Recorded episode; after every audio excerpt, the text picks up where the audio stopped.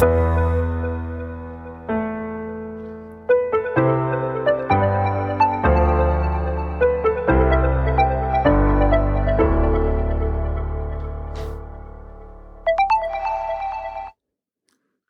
bij de podcast Bewust Vaderschap. En vandaag ben ik in gesprek met Wies. Welkom Wies. Dankjewel Roderick. Ja, we hebben elkaar natuurlijk uh, gisteren nog gesproken tijdens een uh, opstellingendag. Dat doen we natuurlijk vaker. Gisteren was voor de moeders. We hebben ook een keer een aantal vadergroepen gehad. En het leek me leuk om daar even over te kletsen met elkaar. Helemaal goed. Want jij doet eigenlijk al jarenlang. Je hebt al honderden opstellingen gedaan, denk ik. Ik, heb al, ik doe het sinds 2001 en ik heb al heel veel opstellingen gedaan. Zelf begeleid, maar ook heel veel gerepresenteerd bij andere opstellers, begeleiders. Ja. Mooi. Nou, ik heb dat uh, ook natuurlijk in diverse opleidingen gehad. Zelf ook heel veel opstellingen gedaan. Alleen, ja, ik werk heel graag met je samen, omdat je gewoon veel meer ervaring daarin hebt. Dus uh, heel fijn. En um, als er nou een ouder luistert uh, naar deze aflevering, hoe zou je dat nou omschrijven, een familieopstelling? Ja, bij familieopstellingen kijk je naar belemmerende patronen. De belangrijkste vraag is eigenlijk waar loop je op dit moment in je leven tegenaan? En dat kan zijn in je relatie, dat kan zijn een bepaalde angst, dat kan zijn dat je bang bent dat je patronen doorgeeft aan je kinderen. Nu we het toch hè, over de vaders en de moeders uh, hebben. Het kan zijn dat je voelt, ik kom niet helemaal tot mijn recht, ik wil veel sterker en krachtiger zijn, maar en dan blijkt vaak dat je onbewust loyaal kunt zijn aan een familie, aan je ouders of verderop in de familie, waarbij met iemand wat gebeurd is. Of er is een faillissement in de familie, waardoor jij niet volledig tot je recht wil komen, maar eerst heel goed aan de gang gaat. En op een gegeven moment frustreer je jezelf. Dus waar saboteer je jezelf? Is ook een hele belangrijke vraag. Er zijn eigenlijk heel veel aspecten die je kunt behandelen in een opstelling. Maar de belangrijkste vraag is voor mij Waar loop je tegenaan en wat heb je er concreet aan en welke inzichten krijg je zodat je die praktisch in de praktijk kunt gaan toepassen. Maar ook is het zo dat, uh, en dat hebben we ook gemerkt, hè, dat opstellingen doorwerken. En dat als jij bijvoorbeeld een opstelling doet voor je kind, jouw jongere kind er niet bij hoeft te zijn, maar dat het toch doorwerkt en dat je toch ziet, hé, hey, het gedrag van mijn kind of het gedrag van mijn partner of ik zelf ben verander, waardoor de dynamiek tussen mij en mijn partner verandert. Ja. ja, waarbij je echt kunt zien van het is concreet en er zijn gevolgen. Ja. ja, ik heb dat natuurlijk ook zelf ervaren. Ik heb je dat al eerder verteld dat ik een opstelling heb gedaan. En dat mijn jongzoon niet bij was, hè, maar dat hij eigenlijk meer loskwam zeg maar, van zijn ouders en op zijn plek kwam te staan. Maar daardoor dus ook opeens spontaan eh, de wijk uitging en door heel Noordwijk ging fietsen. Hè? En dus, uh, terwijl hij niet bij de opstelling was geweest. Dus ik was echt even in verwarring, wat gebeurt er nou? Maar het was eigenlijk een heel goed teken. Alleen hier wordt het ook voor mensen heel vaak, ja, uh, ja we hebben natuurlijk ook regelmatig dat moeders of vaders wat sceptisch zijn aan de voorkant. En zeggen, oké, hoe werkt dat dan? Hoe zit dat dan? En, en wat vertel je dan meestal? meestal vertel ik dat we vroeger meer, ja, hoe moet je dat zeggen, meer verbonden waren dan, uh, dan nu. Uh, we kennen allemaal wel het geval van je denkt, de telefoon gaat en oh, dat zal tante Anna zijn. En dan blijkt het inderdaad tante Anna of een vriendin of degene aan wie je dacht te zijn. Dat is heel herkenbaar. Uh, in de cursus hebben we regelmatig verteld dat er ook het verhaal is van het morfogenetisch veld met Rupert Sheldrake. Die mhm. zei dat als er op een eiland uh, apen een nieuwe methode uitgevonden hebben om mieren uit een mierenhoop op te eten. En er zijn voldoende apen die dat bereikt hebben, het honderdste aap-verhaal. Dan merk je dat op andere, of is bewezen dat op andere eilanden apen hetzelfde gedrag gingen vertonen. Maar ook kun je zien dat er ergens op de wereld een uitvinding wordt gedaan en dat ergens anders op de wereld ook een uitvinding in dezelfde, op dezelfde manier wordt gedaan. Dus op de een of andere manier zijn we met elkaar verbonden en werkt dat door. En ik denk dat we ons daar vroeger veel meer bewust van waren. Dat ja, we over het algemeen meer in het gevoel zaten en ons beter konden afstemmen op uh, de ander. En dat hebben we afgeleerd. Ja. ja. En ja, daar kunnen we weer naar terug. Dat, dat, dat beter, zuiverder kunnen voelen. Dat kun je oefenen, dat kun je scherpen bij jezelf. Ja. Daar kunnen we weer naar terug. En daar heb je een heleboel profijt van. Want je voelt veel. misschien herken je het ook wel als je al een tijdje met iemand samen bent, dat je ineens de gedachten van de ander opvangt. Of dat je tegelijkertijd, ik zie dat regelmatig bij mijn man, dat je tegelijkertijd dezelfde gedachten hebt over een, telefoon, over een televisieprogramma. Of dat we alle twee aanvoelen, hij gaat nu dat zeggen. En dat is dan exact, je raakt heel erg afgestemd op de ander. En het is juist zo fijn om op een ander afgestemd te zijn, want de ander voelt zich dan veel meer gehoord, gezien en gewaardeerd. Maar voor jezelf begrijp je ook die ander beter en kun je beter, ja, beter met elkaar omgaan. En dat is nou juist zo leuk van opstellingen. Ik heb wel gehad dat bijvoorbeeld een vriendin en ik tegen elkaar aanliepen en dat we zeiden, nou laten we eens alle twee in elkaars schoenen gaan staan. En ineens begrepen we elkaars conflict en konden we het conflict van een heel andere kant bekijken. Dus het is eigenlijk voortdurend praktisch. Ja, nou, zo heb ik dat zelf ook ervaren. Dat ik in de relatie met mijn ex een keer een opstelling heb gedaan. En het mooie wat ik ook vind van het instrument is dat het heel oordeelvrij is. Dus dat heeft ons echt verder geholpen, terwijl we regelmatig gesprekken hebben gevoerd, ook vanuit goede intentie om dicht bij elkaar te komen. Maar in de opstelling werd het eigenlijk heel mooi helder. En dat is ook heel mooi wat ik van opstellingen zelf heb ervaren. Er kan heel veel energie vrijkomen. Het kost soms ook heel veel energie, zeker als we een hele dag doen. Maar dat vind ik met name heel mooi eraan. Ja, en, en, praktisch. Hè, dus ja, wij weten hoe dat werkt. Maar hoe gaat dan zo'n opstelling? Hoe gaat het praktisch gezien? Praktisch gezien is er, om even naar de moeder-vaderschapscursus uh, te gaan, er is een groep. Mhm.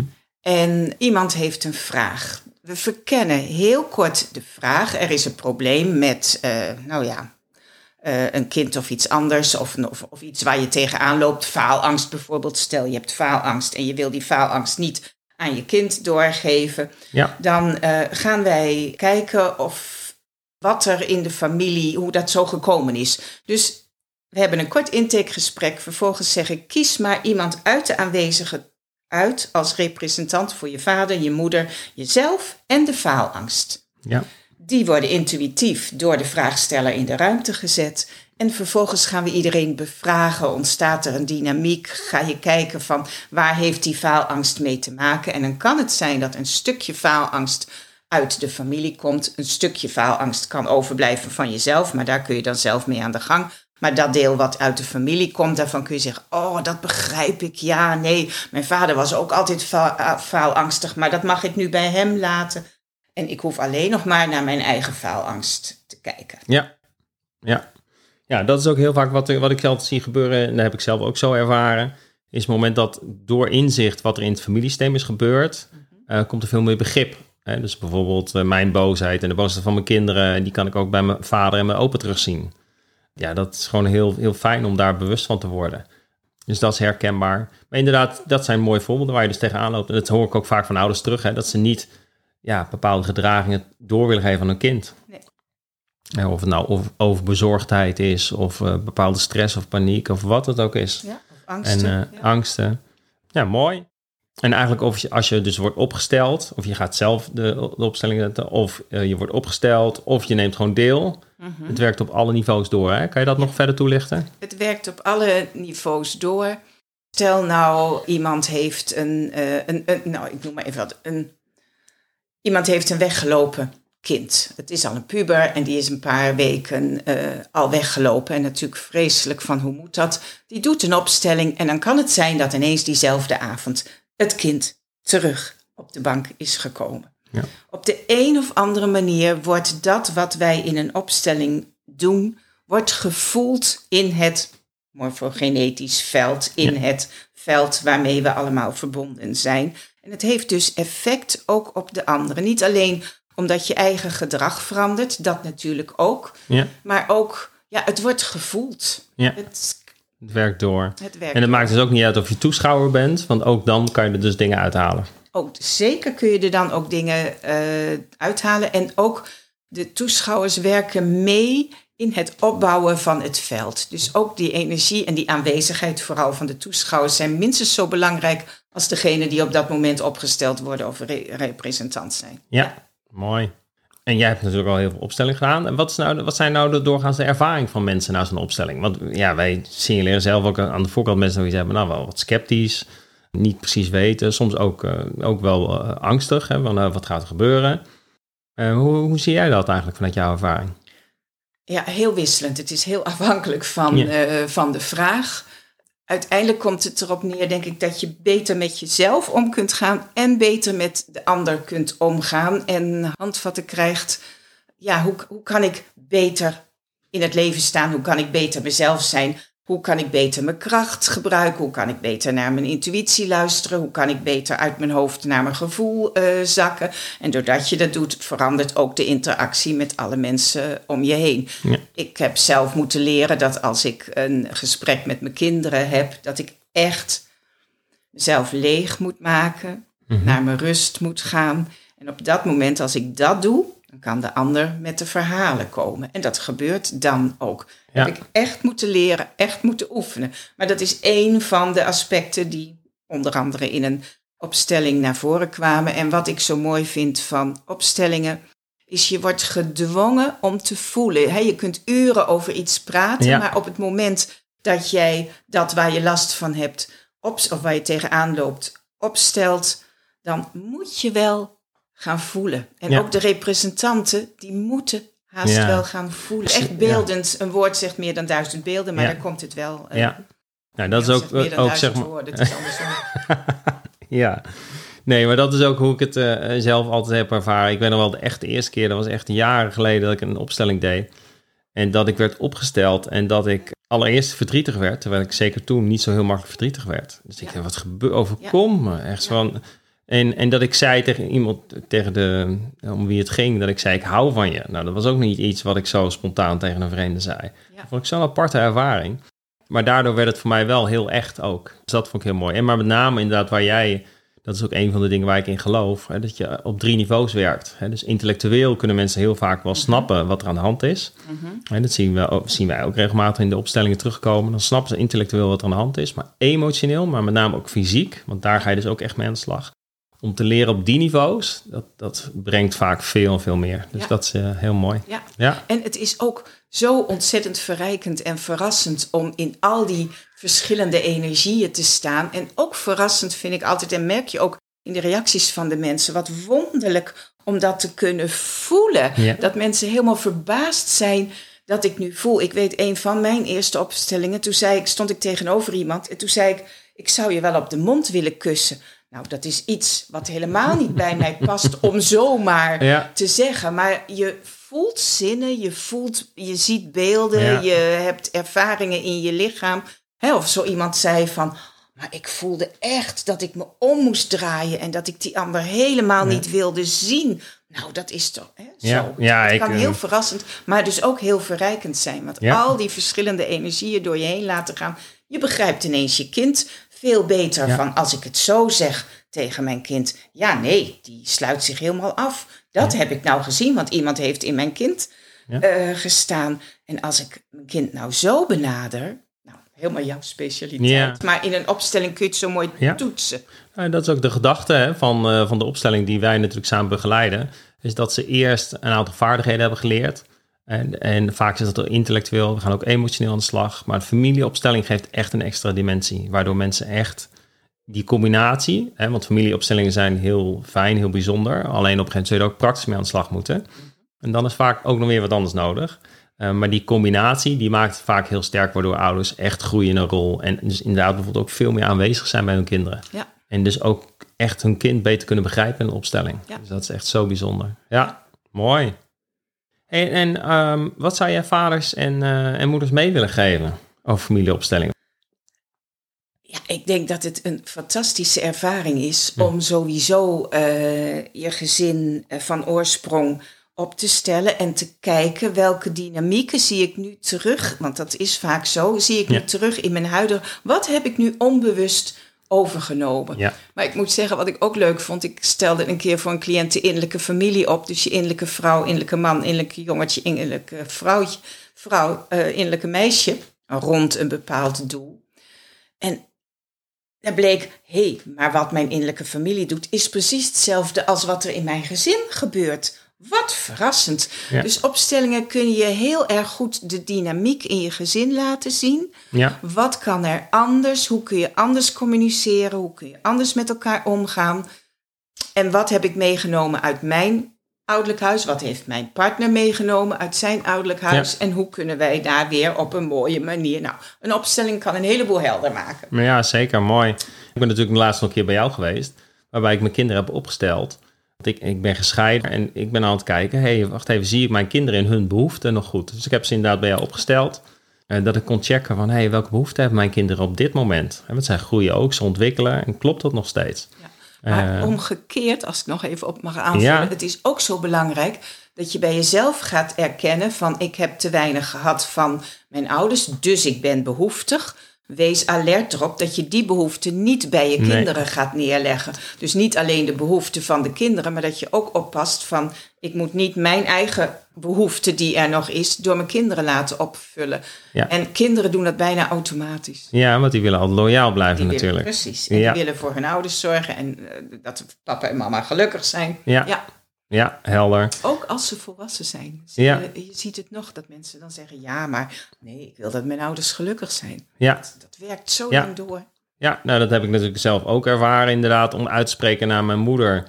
Die is inmiddels al lang overleden om te zeggen dat ik gelukkig mag zijn aan haar. Nee, in eerste instantie kreeg ik dat er helemaal niet uit. Ja. Dus dat is zeker een mooi voorbeeld. Ja, en het is natuurlijk ook gelinkt aan de systemische wetten. Ja. En dat is eigenlijk heel mooi, want dat is ook hoe ik familieopstellingen zie. Nou, in, onder coach is dan een heel bekend instrument, maar breed in Nederland uh, nog niet zo. Terwijl dat wel heel waardevol is, zeker als ouders, om te weten dat die wetten er zijn. Dat zijn eigenlijk onzichtbare wetten. Zou je ze kunnen toelichten? Ja, uh, iedereen heeft recht op zijn eigen plek. Mm -hmm. Maar dat betekent ook dat het kind op de kindplek moet staan en niet als ouder naast een ouder, wat best wel vaak gebeurt. Ja. Er mag niemand worden buitengesloten. Mm -hmm. Als er in een familie iemand in de oorlog fout was, kan het zijn dat een kind die gevoelens draagt, omdat met name door het buitengesloten zijn van de persoon die bijvoorbeeld bij de NSB was, dat buitensluiten gaat, buitensluiten gaat doorwerken in de familie en een later kleinkind kan dan eens de gevolgen of de gevoelens dragen van die persoon. Daar ben je je niet van bewust. Ja. Maar op het moment dat je daar bewust van wordt en je vraagt aan, stel dat dat een cliënt is van, nou herken je het dat je wel eens buiten de groep voelt? Of herken je het dat je het zwaar vindt of dat je vindt dat je altijd alleen bent? Ja, nou, en dan kun je testen van, hé, hey, maar dat hoort eigenlijk, want dat hoor ik daar die opa die fout was ook zeggen. Nou, dan kun je heel bewust zeggen, dat is van opa en jij bent nu hier. Die gevoelens, die hoef je niet meer te hebben. Je mag je eigen gevoelens hebben. Dus niemand mag worden buitengesloten.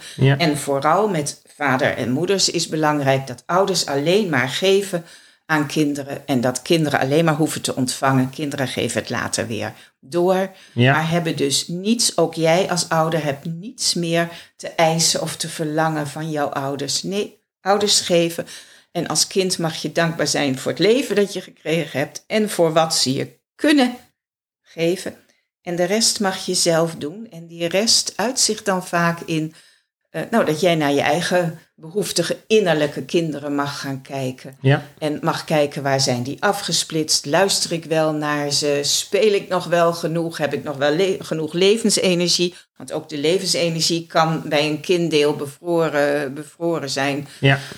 Dat stuk mag je zelf doen. Ja. En kun je je ouders niet meer verantwoordelijk voor eh, stellen. Dus daar ben je zelf verantwoordelijk voor. En dat is ook wel weer heel bevrijdend. Ja, zeker. En dan kan je dat zelf oppakken. Ja. Precies. Ja, de drie systemische wetten, dus inderdaad de wet van verbinding, dus de verbondenheid in het gezin, emotionele verbinding. Ik zeg altijd maar in hoeverre en vertel je dingen ook echt tegen elkaar. Heel vaak willen ouders dat de kinderen wat vertellen, maar ze vertellen zelf niet altijd hoe het met hun gaat of wat zij voelen. En dat doe je natuurlijk altijd wel op kindniveau, maar dat is de emotionele verbinding. Ik noem ook wel het touw en het elastiek. Dus uh, is dit nou een tuin tussen jou en je kinderen? Dat als jij ergens naartoe wil dat de kinderen moeten volgen? Of is er een elastiek? Dus veel meer vrijheid en beweging. Ja. En het volgende inderdaad, de wet van de orde. Nou, die is heel waardevol, zeker voor ouders om te beseffen. Ja, als dat kind dus omhoog gaat schuiven, komt er dus een verstoring. Ja. Maar dus ook als een ouder zijn plek niet inneemt in de hiërarchie, zeg maar, van het gezin. En dus laatste de balans dus geven en ontvangen, waar je het al over had. Heel mooi. Ja, dus dan zeg ik altijd maar de emotionele bankrekening. En dus hoe, kunnen, hoe kan je als ouder nou stortingen doen op de rekening? Want op het moment dat er heel veel stortingen zijn, gaan problemen veel makkelijker dan als een kind al ervaart dat hij tekort komt. Ja. Volgens mij zijn we heel aan het gekomen, toch, Wies? Volgens mij uh, Ja. zijn we wel rond op dit moment. Ja, hartstikke Ja. goed. Nou, dankjewel. En eh, ja, we zien elkaar ehm, ja, binnenkort weer bij de volgende opstelling. Dus ik kijk daarnaar uit. Nou, ik hoop eh, dat de luisteraars ook eh, hier eh, ja, een gevoel bij hebben gekregen. En dat we ze op die manier ook mee kunnen nemen als ze een opstelling gaan doen. En nou, ze kunnen dus bij jou terecht. Altijd. Hè, bij wiesvanos.nl. En dan kunnen ze één op één een keer een opstelling doen. Of in dit geval via bewustmoederschap of vaderschap. En dan eh, komt het ook goed. Ja? Helemaal. Dankjewel, Roderick. Jij ook bedankt. Fijne dag.